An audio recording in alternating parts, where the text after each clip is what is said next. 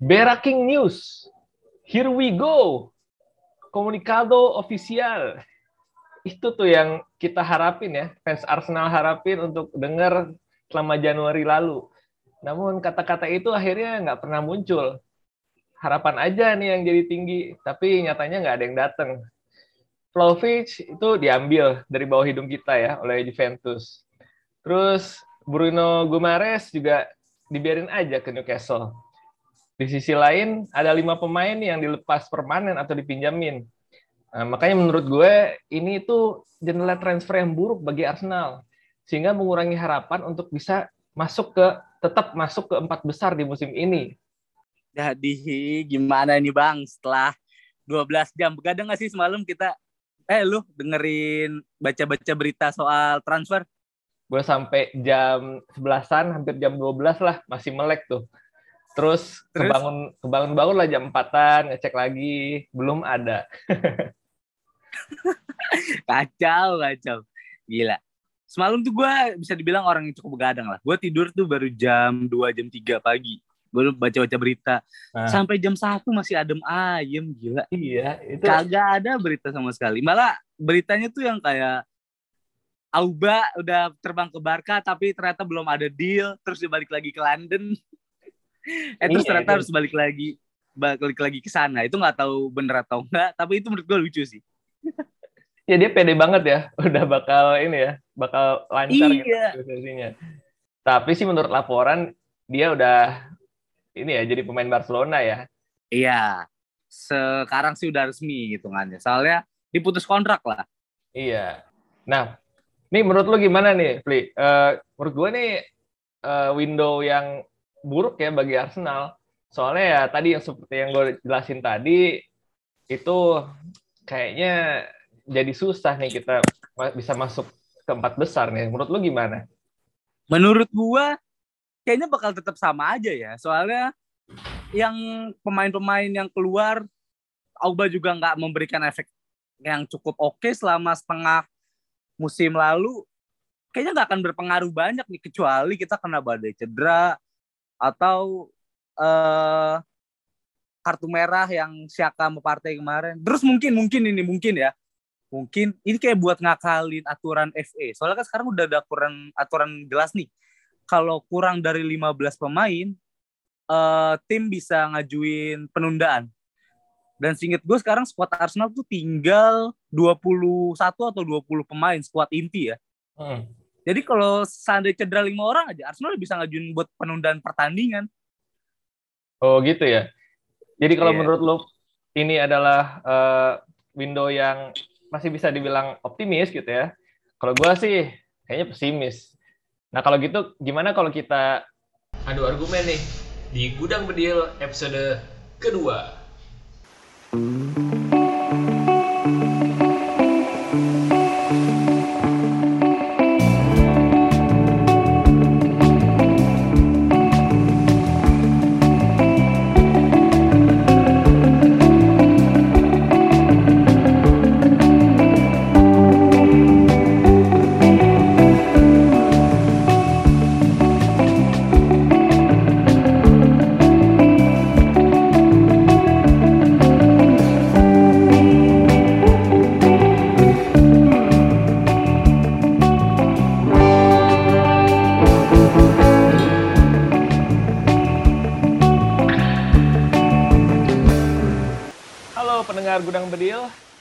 Podcast Arsenal yang santai. Kembali lagi dengan gue Arya bersama mitra senior saya yaitu Chamber Afli. Yo, Chamber Afli. Pada kesempatan kali ini kita bakal ngebahas nih hasil bursa transfer musim dinginnya Arsenal ya. Seperti yang udah gue jelasin tadi, uh, ada beberapa pemain yang keluar, tapi nggak ada atau mungkin nggak ada, bukan nggak ada ya, ada tapi bukan sekarang masuknya gitu ya. Nah, ini siapa aja nih yang kita udah keluarin di musim dingin ini? Itu pertama ada yang paling duluan tuh Ainsley Maitland-Niles ya. Iya. Yeah. Itu ke AS Roma. ya, itu kayaknya pemain yang mungkin ya mungkin nggak akan balik lagi nih soalnya kayak udah ada deal kalau setelah selesai masa peminjaman bakal ada kontrak dari Roma. Oke, mungkin jadi kita ini bisa jadi adalah ucapan perpisahan ke AMN ya untuk sekarang ini. Bisa jadi, bisa jadi. Tapi kan kemungkinan masih terus ada. Tapi kayak kemung uh, eh, AMN itu sama satu eh AMN tuh gak akan balik lagi lah ke skuad Arteta musim depan.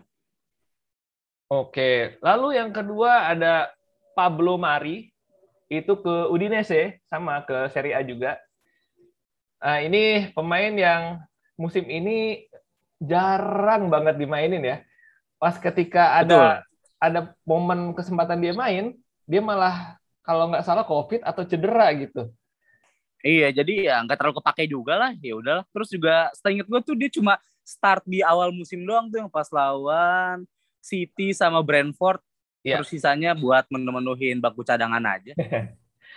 Oke. okay. Nggak terlalu berpengaruh lah. Nggak terlalu ngaruh ya menurut lo. Tapi selanjutnya adalah Volarin Balogun. Nah, kalau ini emang sesuai harapan gue sih.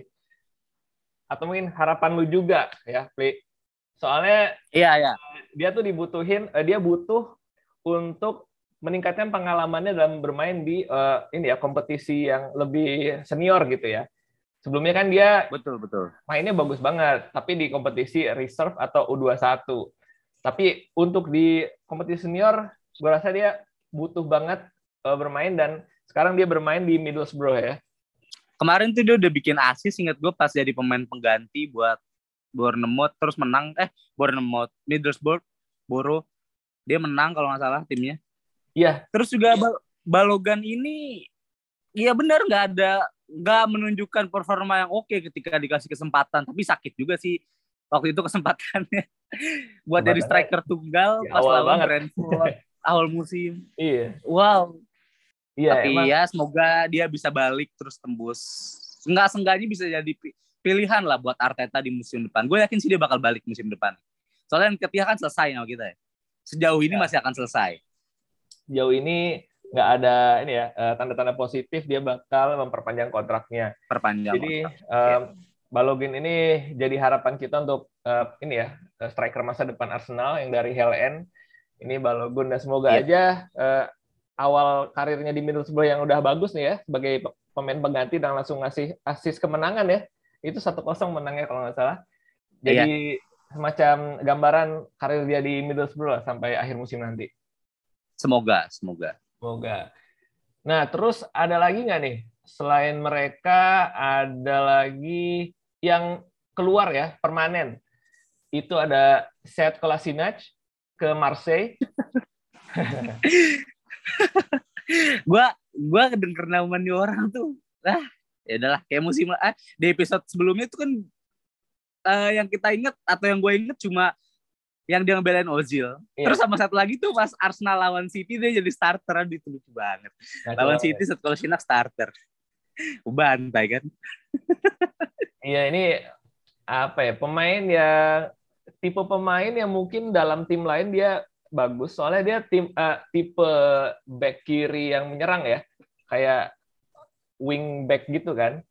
Iya, di awal, iya. awal di awal-awal karirnya di Arsenal dia bagus banget Uh, dia nyetak okay gol, okay lumayan. nyetak gol kan, dan. Iya. uh, menjanjikan lah dari sisi penyerangannya.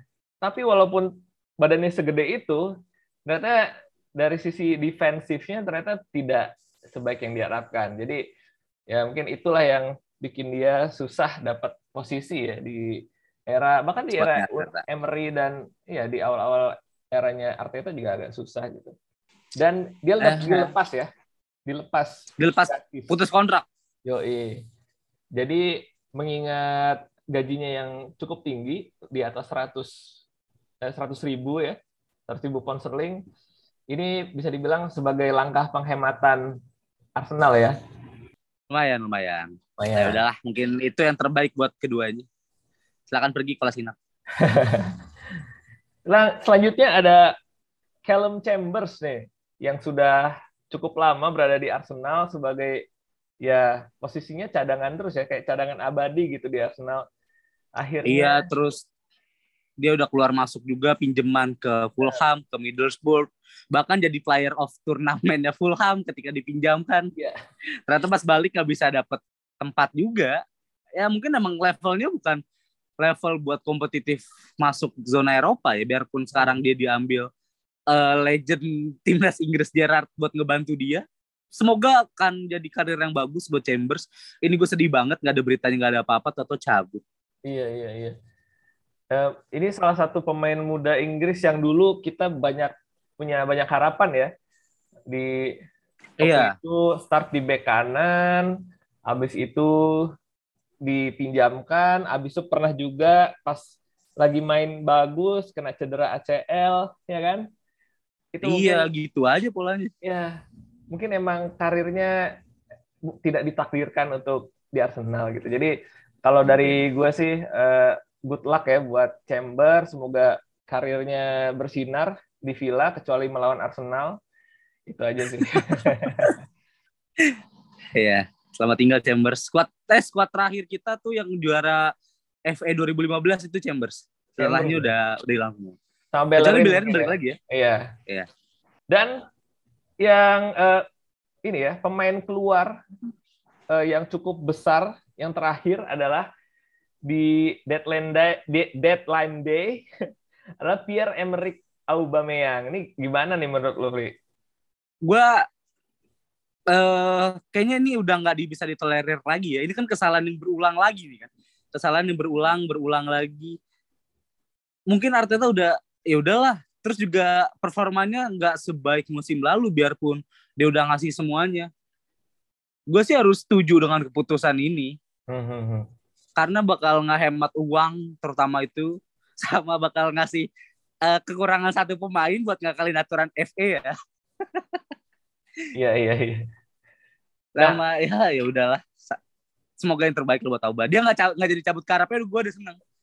Ya masih mending lah ya. Uh, cabutnya masih ke Barcelona gitu, klub besar di iya. Spanyol gitu, walaupun dengan iya. uh, kondisi ya mereka sekarang. Dan ini kita juga lepas gratis ya. Iya, putus kontrak bener. Putus kontrak. Jadi uh, keuntungan putus kontrak dengan uh, diputus uh, ini ya, ini mutual gitu ya. Bareng-bareng mutual ya, mutual termination sama kayak Kolasinac. Bener. Jadi tidak ada ganti rugi yang kita beri kita bayarkan ke pemain. Yep. Jadi dan sebaliknya. ya, sisa kontraknya itu tidak dibayarkan. Nah, ini sih kalau untuk itu gue respect ya ke Aubameyang ya. Dia lebih memilih untuk uh, bermain mendapat kesempatan untuk bermain bola dibandingkan dengan menjadi cadangan mati gitu ya. Ataupun nggak main sama sekali kayak Ozil kemarin. Ya gue respect Boro nggak main. Dia nggak dibawa ke cadangan. Ke cadangan udah nggak dibawa dia kan? Mm -mm. nah itu. Jadi ya respect buat Aubameyang dan untungnya ada gayung bersambut dari Barcelona gitu kan. Kalau dari yang dari Arab kemarin dari Al Nasr Al Nasr itu dia kayaknya emang ogah gitu ya. Mungkin dia masih masih melihat dirinya bermain di uh, Liga Eropa. Eropa benar.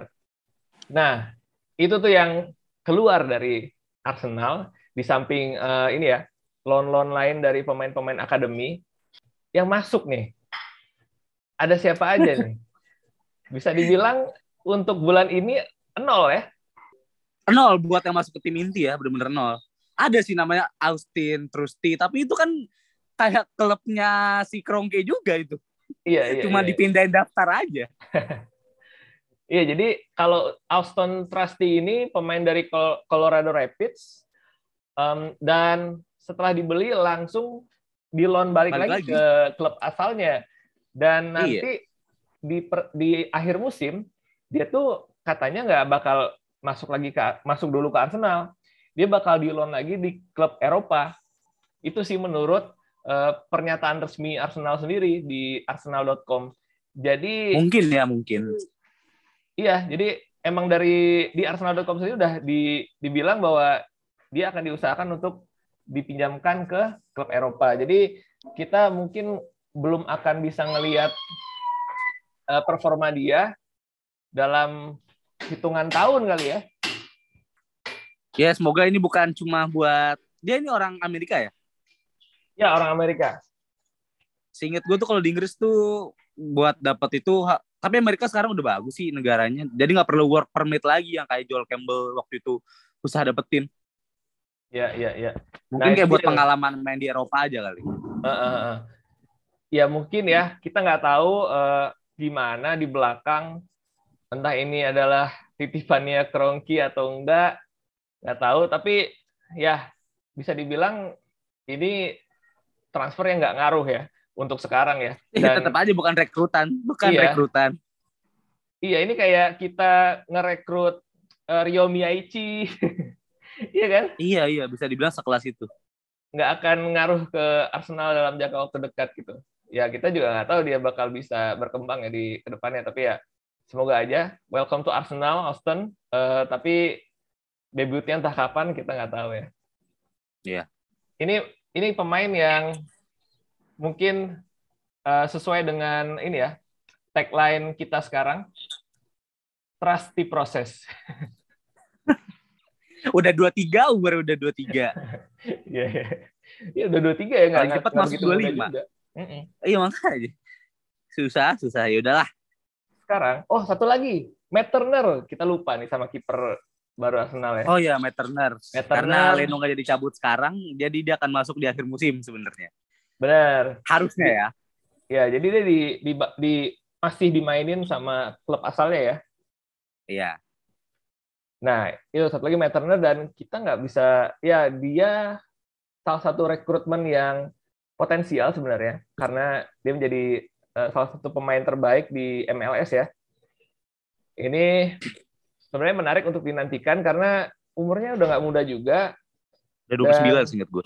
Iya, tapi menurut gue dia bakal rela gitu menjadi pesaing di bawah Ramsdale ya dan ketika Ramsdale menurun dia akan siap untuk ya menjadi cadangan yang bisa menantang lah gitu.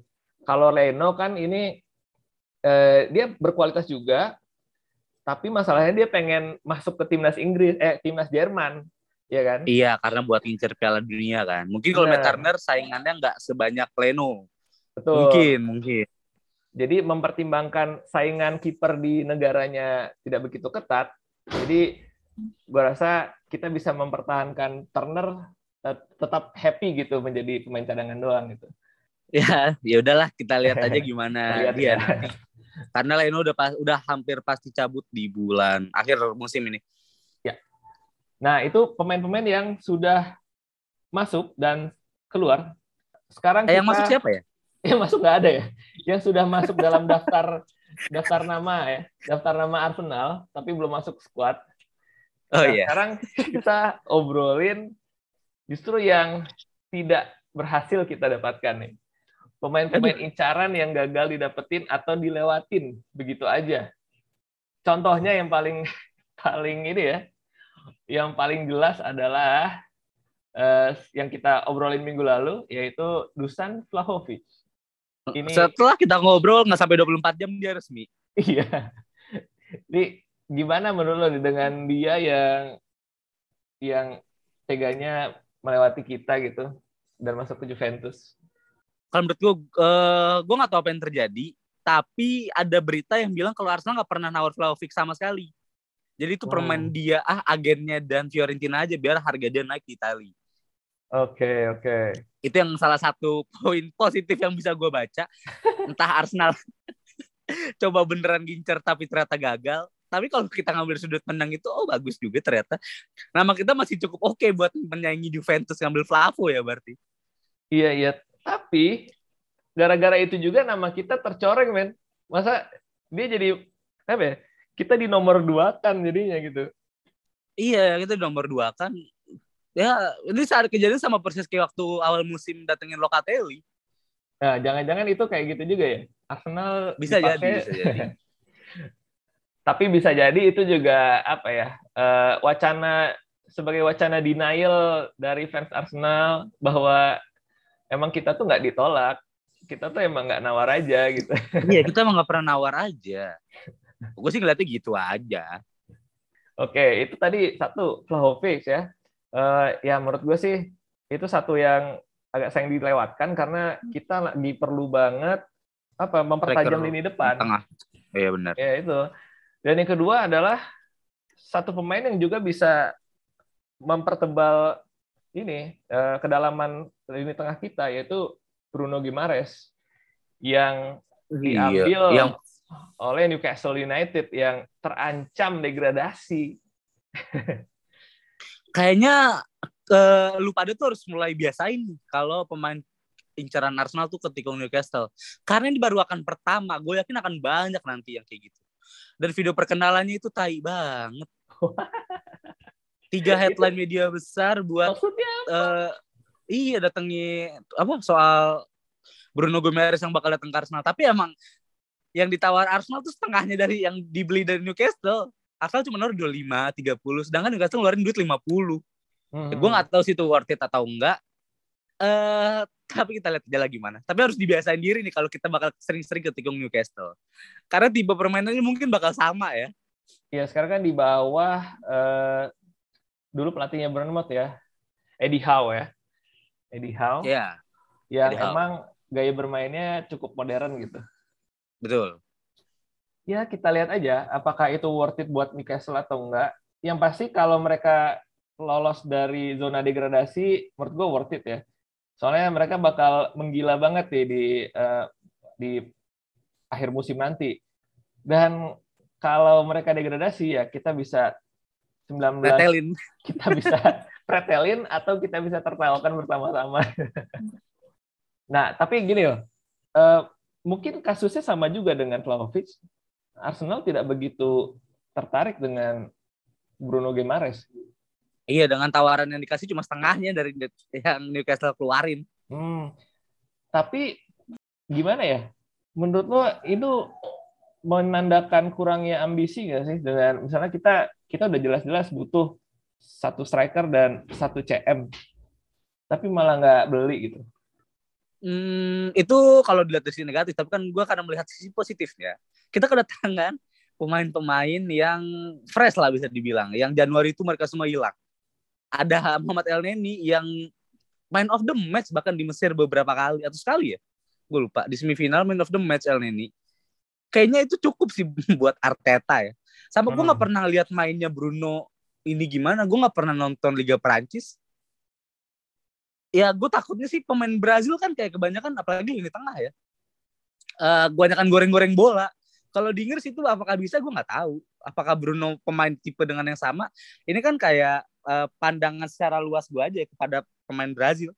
Gue takut nggak okay. cocok oke okay, tapi ya kalau gue lihat ya dari musim panas kemarin uh, Juni Juli Agustus itu tuh fans Arsenal tuh hype banget sama Bruno Guimaraes gitu dan melihat statistiknya dia emang kayak tipe pemain yang dibutuhkan banget jika Granit Xhaka keluar ke AS Roma waktu itu ya. Tapi akhirnya iya, kan iya. dia yang memperpanjang kontrak kan. Makanya benar, benar. Uh, wacana-wacana beli pemain penggantinya Xhaka itu jadi nggak terjadi kecuali Lokonga ya, yang lebih ke penerus atau ke cadangan ya Lokonga itu. Iya, tapi eh Bruno udah nggak muda juga ya, udah dua lima dua enam ya, pak dua tiga lupa lupa gue. Bruno Gemers itu 24. Oh ya, sekitar segitu. Berarti umur yeah. matangnya kan. Kalau yeah, beli dengan harga situ terus flop kan lah. gimana ya? Tapi ya udah sih sebenarnya itu duitnya Arsenal. Kalau dia merasa butuh banget, gue yakin bakal dikejar kayak partai. Kayak kita ngejar PP. Nah. Gue yakin Arsenal punya uang, tapi mungkin nggak mau ada kejadian kayak William atau PP berikutnya. Mungkin, mungkin. Oke, oke. Nah, tapi gini juga, Arsenal punya uang dan kalau disimpan sekarang dan mempertaruhkan skuad yang ada sekarang, gue takutnya justru kita nggak dapet top 4 dan duit yang hilang dari nggak masuknya top 4 tuh jadi lebih gede daripada kita spending di Januari ini, gitu loh. Jadi ini kayak apa ya? Pertaruhannya cukup besar gitu. Kalau kita nggak masuk top 4 di musim ini, bisa jadi target-target kita yang sudah uh, duit yang udah kita tabung nih karena kita nggak kita nggak nggak hmm? beli nggak beli di Januari bisa jadi malah targetnya jadi ogah gitu masuk Arsenal karena uh, ya itu karena kita nggak masuk Eropa nggak masuk Champions ya, nggak tahu masuk Eropa atau enggak. Tapi ya Champions itu nilai jual yang sangat tinggi, men.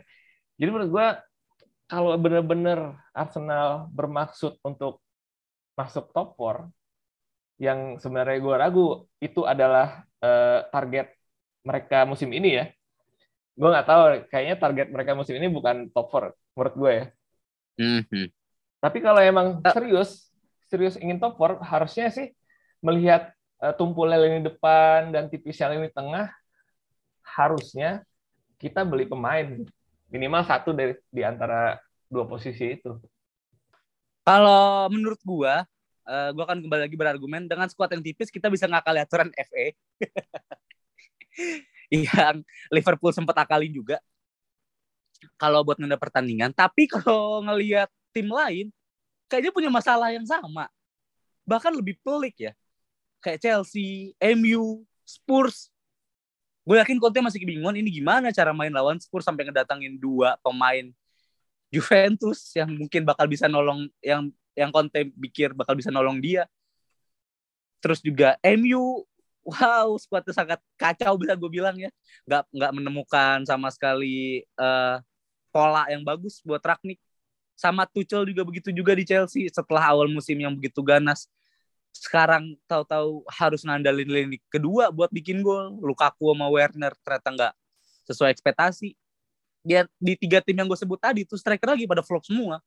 Harry Kane termasuk ya. Setelah super power di setiap musimnya, musim ini flop. Gue nggak tahu apa yang terjadi. Lukaku juga sama, Werner sama, apalagi MU. Siapa striker MU coba? Top skor MU aja gue nggak tahu sekarang siapa. Mungkin Rashford atau si Cavani. Yes. Kalau saya ngomong empat besar mungkin Liverpool masih itu udah dua tuh pasti. Nah Arsenal Chelsea Spurs MU ini berempat saingan aja. Mungkin West Ham salah satu yang paling mengerikan ya karena ya striker dia tuh oke. Okay. si apa Antonio tuh masuk jajaran top score. Setara dengan Smith Rowe oke oke. Tapi menurut gue sih nggak bisa dibandingkan gitu soalnya uh, untuk Chelsea itu jelas kedalaman skuadnya bagus banget. Dan ketika satu strikernya misalnya Lukaku lagi jelek bisa diganti oleh misalnya uh, Werner atau Havertz ya. Havertz kan bisa jadi false nine. Itu bisa yeah. diutak atik banget skuadnya gitu. Bahkan di kiri pun ada macam-macam itu pemain bisa bisa jadi si dia polisi iya terus siapa lagi? Ya? siapa pun lah banyak banget. Dan ya itu apa ya kedalaman yang tidak dimiliki oleh Arsenal. Nah sementara itu kalau dibandingkan dengan eh, kalau dibandingkan dengan uh, jumlah pemain emang City kalau kita lihat jumlah pemainnya sama ya dengan Arsenal. Ini cuma tapi sih itu 17 20. pemain. Itu Benar. Semuanya tim inti itu kalau masuk Arsenal makanya perbe perbedaan antara tim inti dan tim cadangan itu tipis banget.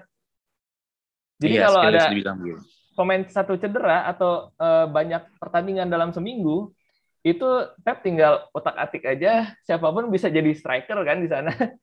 siapa pun bisa jadi yeah. uh, winger kanan, siapa pun bisa jadi winger kiri. Bahkan back kanan pun bisa jadi pemain tengah, ke mana pun lah. Itu bisa gitu. Itu City. Uh, Tapi kan itu alasan gue nggak masukin City ke perburuan top 4. Karena City bisa dibilang udah pasti juara lah musim ini, hampir pasti juara. Ya, ya udah, itu kalau kita ngebandingin sama City malah makin gak apple to apple. Kalau dengan Chelsea, MU, Spurs itu, gue yakin tuh Arsenal masih setara lah dengan mereka di musim ini, terutama ya dengan permainannya gue yakin bisa lah masuk top 4 tuh sangat mungkin. Kecuali West Ham atau Leicester atau mungkin atau Everton kayaknya terlalu jauh buat kejar top 4 ya gue yakin bisa lah Arsenal buat masuk top 4 oke oke. Tapi kita lihat lagi aktivitas transfernya. Spurs itu mereka beli pemain atau pinjam pemain kan? Karena mereka iya. tahu. Iya yeah, karena mereka tahu mereka butuh kualitas di posisi-posisi tertentu yang mereka kurang Sedangkan Arsenal masih adem ayam aja gitu malah ngeluarin pemain banyak banget. Memang mereka nggak banyak kepake ya. Eh, nggak kepake sama sekali sih bisa dibilang kecuali Auba. Iya. dan AMN. AMN masih bisa masih kepake dan pernah jadi man of the match malah. Dan Iya, iya. di- dan dia yang pertama kali justru keluar padahal iya dari ber- berbagai cadangan yang ada dia tuh yang mungkin paling berguna bisa jadi bek kanan, bisa jadi pemain tengah. Bisa ya Bisa jadi macam-macam lah. Nah, itu kalau ada satu orang yang gue sesali keluar itu adalah AMN sih dibandingkan pemain lain. Ya gue nggak masalah sih Mari keluar masih ada yang lain. Terus eh, Auba keluar emang dia karirnya udah berakhir ya kurang lebih. Bersama Di Arteta Arsenal. itu udah ya udah berakhir. Itu juga Chambers ya mungkin Chambers agak inilah eh, agak disayangkan ya Eh, soalnya dia juga multi ini ya multi posisi banyak posisinya Iya, dia first style. Mm, tapi emang eh, urutannya emang paling belakang dia untuk urutan back ya. Soalnya masih ada holding kan. Nah itu Iya, ya kita tapi dengan jumlah pemain yang kita ada, kita cuma menunggu dua atau tiga cedera doang biar semuanya kacau gitu. Lu lihat aja di Januari itu kacau banget.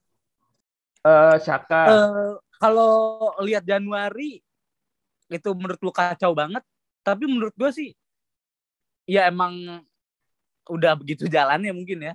Lawan Liverpool ekspekta kita berekspektasi apa ya kalau Liverpool bisa menang. Gua nggak yakin terus juga eh lawan City itu kita sama berekspektasi menang juga itu udah salah. Mungkin ada disesali pas lawan Nottingham Forest kali ya. Tapi harus diakuin pas match itu Nottingham Forest bagus banget. Asli, Nottingham Forest bagus banget dan kita kecolongan, benar-benar kecolongan. Itu sih yang bisa disesali. Sisanya sih ya udah. Lawan Burnley kayak yang waktu itu gue pernah bilang juga Arsenal selalu kesulitan. Bahkan Burnley itu tim yang paling sedikit kebobolan buat peringkat 20 ya. ya, ya, Dan tapi- kita kedatangan tiga wajah baru. Ada Ah. El Neni, ada Partey dan ada PP buat Februari dan seterusnya. seperti Mungkin bukan Joba, like a new bukan- signing ya. Iya betul betul. Ada Miguel Aziz juga bisa dimainin loh. Karena ditarik lagi. Tapi ya, ya seperti gue bilang tadi, kita cuma tinggal dua atau tiga pemain cedera. Habis itu Arsenal kembali ke awal musim lagi. Tomiyasu kemarin cedera, langsung kacau kan. Eh, holding ketika jadi center back tidak bisa memainkan peran playmaking kayak Ben White gitu. Sehingga Iya iya. ya al- alur bola jadi tidak sebagus seperti biasanya. Dan lawannya Ber- Burnley pun lah yang yang udah dikenal defense-nya rapat gitu. Habis Betul, itu betul. Saka yang lagi turun nih performanya dan terlihat lelah gitu ya. Dia sering ini kan, sering dirawat, sering dapat tackle yang keras. Kalau dia cedera, yang ganti Nicola Pepe.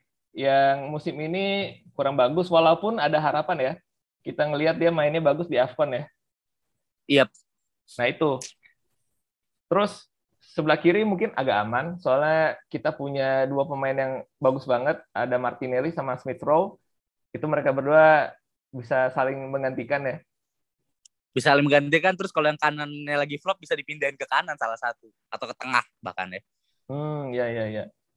Nah di depan nih, Lacazette sama Nketiah, dua-duanya nyetak golnya jarang banget di Liga Inggris nih. Kalau Nketiah emang oke lah gacor di eh, ini ya di piala-piala ya. Tapi Iya. di Liga Inggris dia belum belum banyak bicara gitu. Dan Laka juga gitu. Dalam jumlah gol dia kurang banget sebagai striker. Nah, kita nggak punya pembedanya tuh di depan siapa yang akan jadi pembeda? Apakah Arteta bakal mengambil risiko menaruh Martinelli di tengah? Itu kan masih tanda tanya juga kan. Soalnya dia udah pernah ke sana dan ya hasilnya belum begitu terlihat gitu. Dan yang menurut gue juga ini menunjukkan eh, daya negosiasi rendahnya Edu nih yang yang sudah menunjukkan dirinya berleha-leha minum ini ya, minum alkohol atau barbecue gitu kan. Ya. Tapi ternyata hasilnya nol. Jadi kan agak ini ya kayak PR yang buruk gitu buat fans sudah kayaknya nih harapan ada ada sesuatu nih gitu yang sudah beres. Eh taunya nggak ada kan kesel jadinya. Itu seandainya kalau beneran terjadi. Tapi kan Arsenalnya nggak pernah merilis resmi ya kalau uh, dia nawar pemain kecuali Bruno yang gue tahu. Bahkan untuk Flavo aja nggak ada beritanya. Meta, Matt Turner juga kalau bilang daya negosiasinya rendah, Agustus itu kita super power bisa dibilang semua pemain yang kita beli itu kok pakai semua. Mungkin itu bisa eh bukan jadi acuan ya, bukan jadi acuan buat Arsenal ternyata daya negonya rendah. Gue sih nggak yakin. Mungkin emang bener-bener nggak butuh aja. Atau mungkin Arteta dan Pep ini kan sama ya bisa dibilang otaknya ya. Bisa ngimbangin bahkan harus diakuin kalau kita nggak main 10 pas lawan City kemarin. Eh uh, gue yakin Arteta pasti punya instruksi khusus kepada ke para pemain. Gue yakin pemain Arsenal tuh bukan Balotelli semua yang kayak Jose Mourinho bilang di Liga Champions, gue menghabiskan waktu 14 menit untuk berbicara dengan Balotelli agar dia nggak dapat kartu kuning. Ternyata dia dapat kartu kuning di menit 46. Gue yakin pemain Arsenal bukan kayak Balotelli. Mereka semua nurut. Uh, terkecuali Shaka ya. Seenggaknya Arteta pasti punya plan sih gue yakin. Top 4 okay. itu bukan jauh bukan hal yang mustahil ya dengan melihat saingan yang lain dan mereka itu masih berbicara di banyak kompetisi termasuk West Ham tuh masih main di UEL singkat gue deh hmm. Arsenal tuh tinggal satu kompetisi kita tinggal 17 pertandingan oke okay, oke okay. oke okay, gue sih berharap gue salah ya dengan uh, semua argumen gue ternyata hasilnya salah ya alhamdulillah gitu ya tapi kita lihat aja nih hasilnya nanti uh, mungkin di episode-episode berikutnya kita akan angkat ini lagi siapa yang yang perkiraannya benar gitu ya dan mungkin untuk sekarang, untuk episode ini kita tutup dulu ya. Bagaimana? Iya, setelah cukup panas juga ternyata. Iya, ternyata cukup berbelit-belit juga kita. Dan iya. jangan lupa untuk klik tombol follow ya di Spotify untuk Gudang Bedil. Dan ya dan juga, share juga tag kita betul. dan tunjukin lu itu tim siapa? Tim Rapli atau oh, tim yoi. Min Gudang Bedil? yo yoi. Ya jangan lupa follow juga akun Twitter kita ya di @chamberafli dan @gudangbedil. Oke, gitu ya, aja. Dan gitu aja sih. Eh, sama gue mau ngingetin sekali lagi buat Ais regional bisa mengirimkan voice note kalian buat ditaruh di akhir episode kita. Nanti cara gimana? Silahkan DM aja ke kita. Oke. Okay. Oke okay, guys, see you again next week. Keep gunning and keep santai. Bye. Dadah.